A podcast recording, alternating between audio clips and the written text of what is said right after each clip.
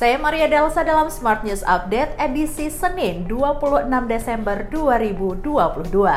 Smart Listeners, Gubernur Bank Indonesia Peri Warjio menilai rencana pencabutan pemberlakuan pembatasan kegiatan masyarakat oleh Presiden Joko Widodo pada akhir tahun ini akan berdampak positif terhadap perekonomian. Dengan demikian, Bank Indonesia tetap akan mendukung koordinasi dan sinergi dengan pemerintah dengan kebijakan moneter yang mendukung stabilitas serta kebijakan kebijakan makroprudensial, kebijakan digitalisasi sistem pembayaran, kebijakan pendalaman pasar, serta kebijakan ekonomi dan keuangan inklusif untuk mendukung pertumbuhan.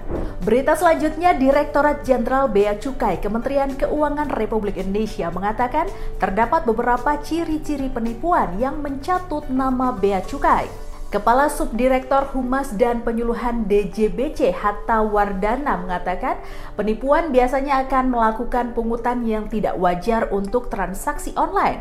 Selain itu, Hatta menambahkan penipuan jenis ini biasanya juga akan menghubungi calon korban menggunakan nomor HP pribadi, serta mayoritas penipu yang catut nama bea dan cukai akan menggunakan foto profil berseragam dan menggunakan akun bisnis. Berita terakhir, Menteri Investasi Kepala Badan Koordinasi Penanaman Modal Bahlil Lahadalia mengatakan, untuk mengembangkan pembangunan di daerah tidak melulu Jakarta dijadikan sebagai acuan.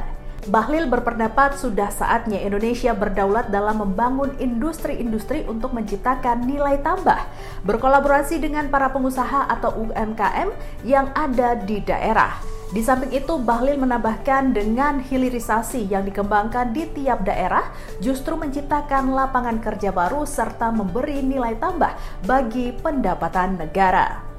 Sekian berita hari ini, sampai jumpa dalam Smart News Update berikutnya.